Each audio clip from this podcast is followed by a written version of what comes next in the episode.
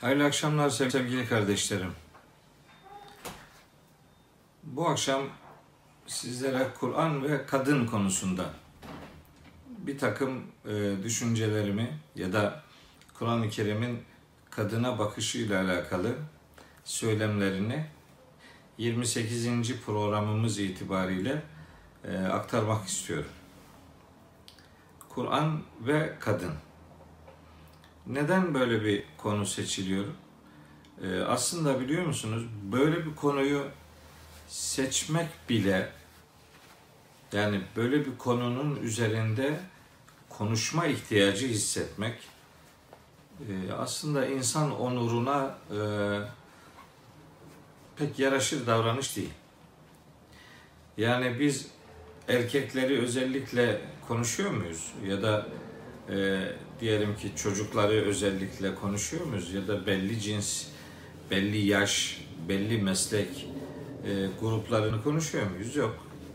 Neden Kur'an ve kadın diye bir başlık açıyoruz? Çünkü e, İslam kültüründe, İslam coğrafyasında yahut da dünyanın değişik taraflarında yaşayan insanların Kur'an adına, Allah adına kadın konusunu bir başlık edinerek aslı astarı olmayan pek çok yanlış düşünceyi sanki Kur'an öyle bir şey diyormuş gibi, sanki Kur'an'ın öyle bir mesajı varmış gibi e, saldırıyor. E, bu düşüncelerin hangisi ne kadar doğrudur, hangisine dair neler söylenmelidir? E, bu noktada çok kısa, öyle çok uzun, detaylı bir sunum yapma e, niyetinde değilim.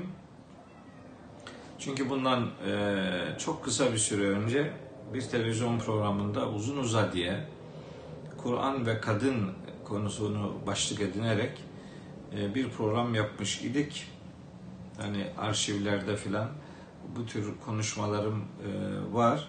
Düşüncelerimi bütün açık yüreklilikle ifade etmeye gayret ettim ama bu program dizisi içerisinde de bir başlık belirleyince buna dair bir takım sözlerimi paylaşayım istiyorum.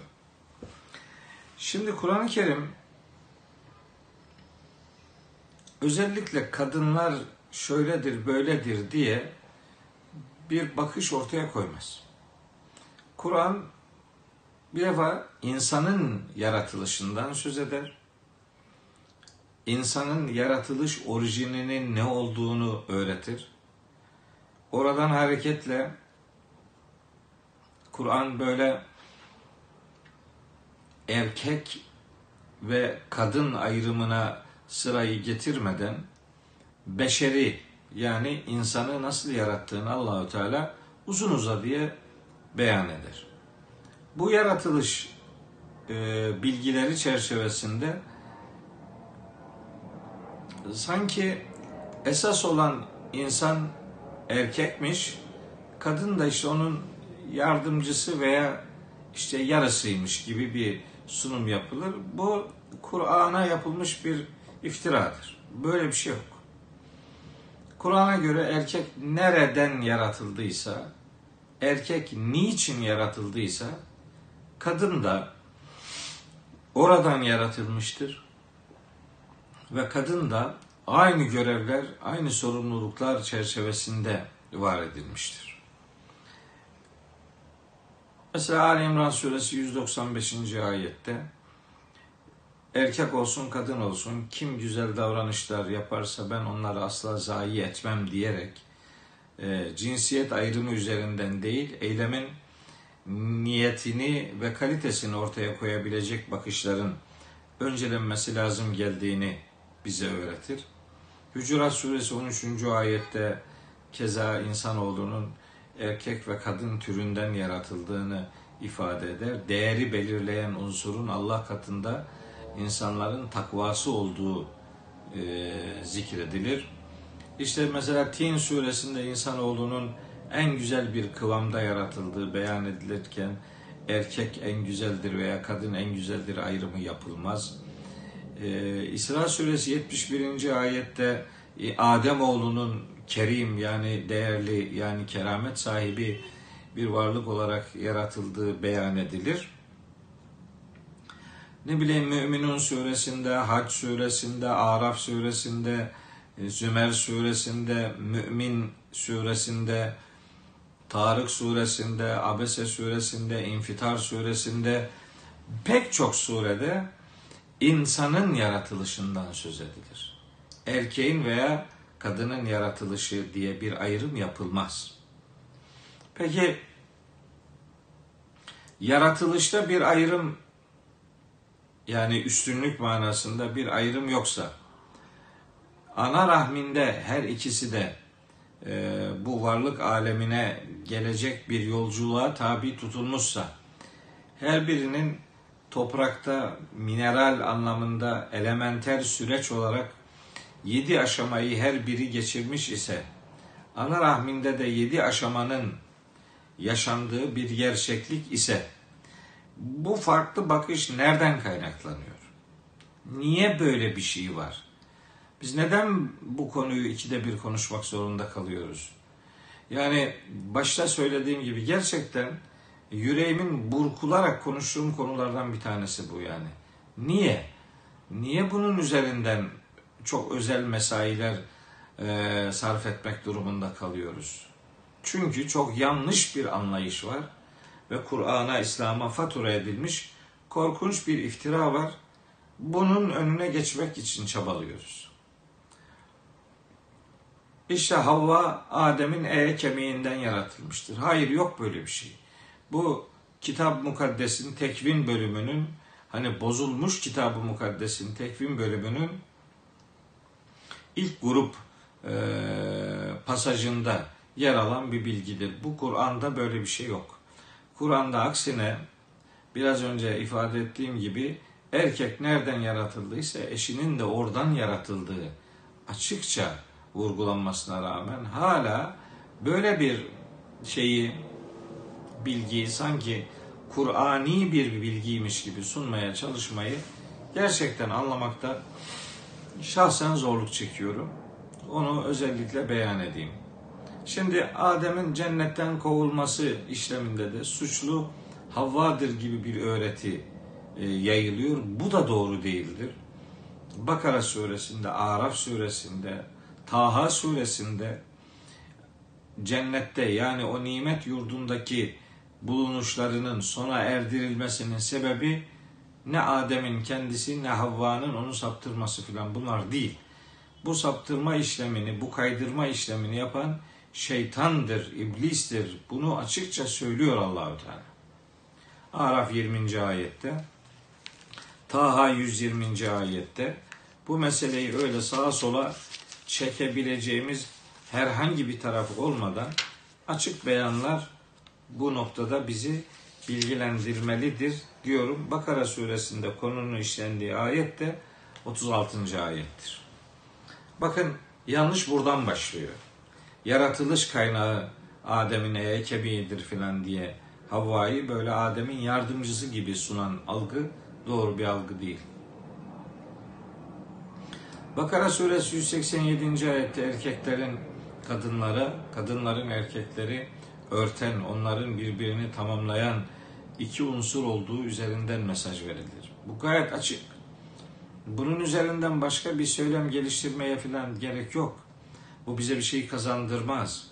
Toplumsal hayatta kadının dışlandığı, kadının evine hapsedildiği, özellikle erkeğe boyun bükmek, itaat etmek zorunda bırakıldığı gibi bir algı doğru bir algı değildir. Kadınların boyun bükenleri için kanitat ifadesi kullanılır. Erkeklerin boyun bükenleri için de kanitun ifadesi kullanılır.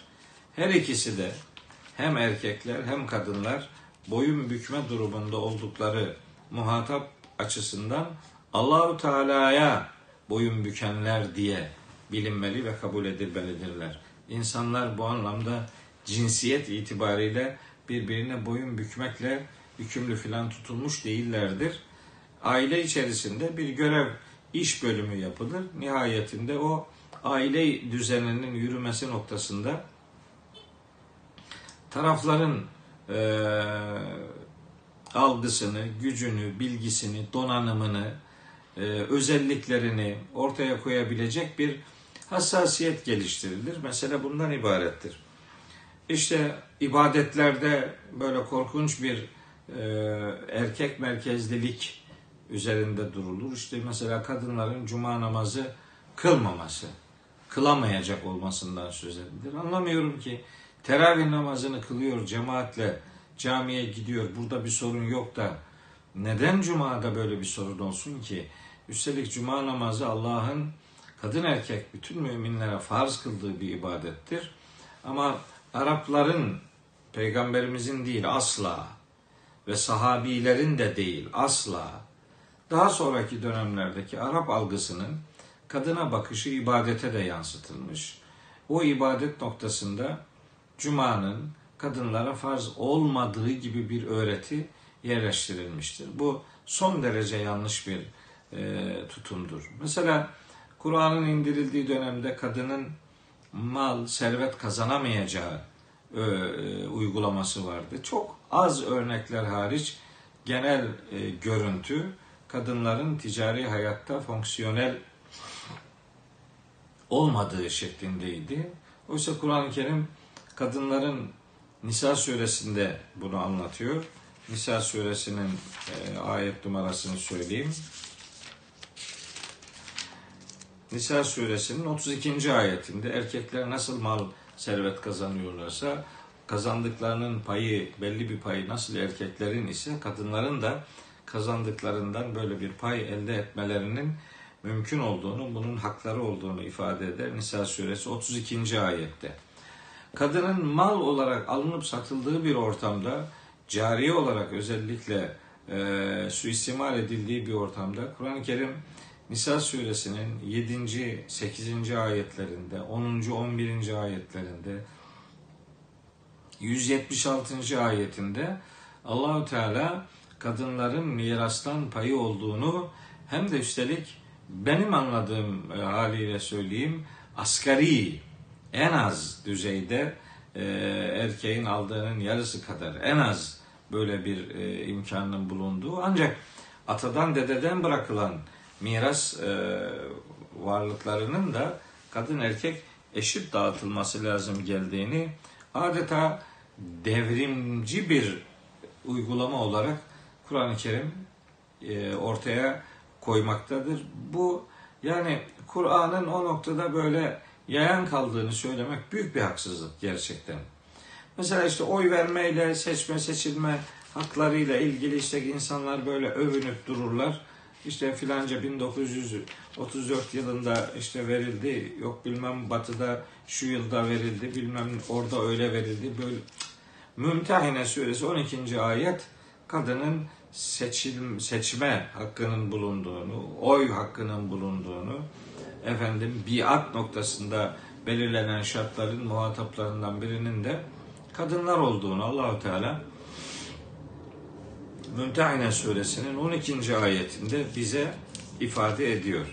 Efendim işte kadınların şahitliği noktasında böyle ikiye bir filan var. Hayır bu da doğru değil.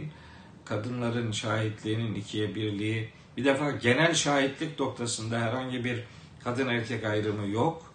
Ee, sadece ticari konularda ki dönem itibariyle ticaret çok büyük oranda erkeklerin eliyle yürüdüğü için şimdi bile büyük oranda böyledir. Ee, bu noktada işi bilen daha çok erkekler olduğu için erkeklerin birinin şahitliği işi bilen bir erkeğin ama herhangi bir erkeğin değil. Şahitliğine razı olduğunuz kaydı vardır orada. Öyle bir erkeğin iki kadının gene şahitliğine razı olabileceğiniz iki kadının şahitliğine denktir diyor ama neden bir erkek iki kadın ayrımının yapıldığının gerekçesini de hani meşguliyet ve tecrübe itibariyle birinin e, karıştırması, şaşırması e, söz konusu olduğunda diğerinin devreye girmesi gerekçe olarak belirlenmektedir. Öyle olunca zaten oranın da ikiye bir değil, bire bir olduğu anlaşılıyor. E, bu Nisa şey Bakara suresi 282. ayetin konusudur. Ancak mesela işte bir iftiraya uğrama noktasında bir erkek eşine böyle bir iftirada bulunursa beş defa yemin ettirilir eğer şahitleri yoksa. Ama o beş defa yemin ederse uygulanacak cezanın kaldırılması ya da uygulanmaması için kadından da yemin talep edilir. Yani bir mahkeme huzurunda bunlar yapılır. O yeminde ikiye bir oranı gözetilmeyeceği için kadının da beş defa yemin etmesi istenir. Şahitlik noktasında olduğu için. E, onun da beş defa eğer yarı yarıya olsaydı onun on defa yemin etmesi istenirdi ki böyle bir şey yok.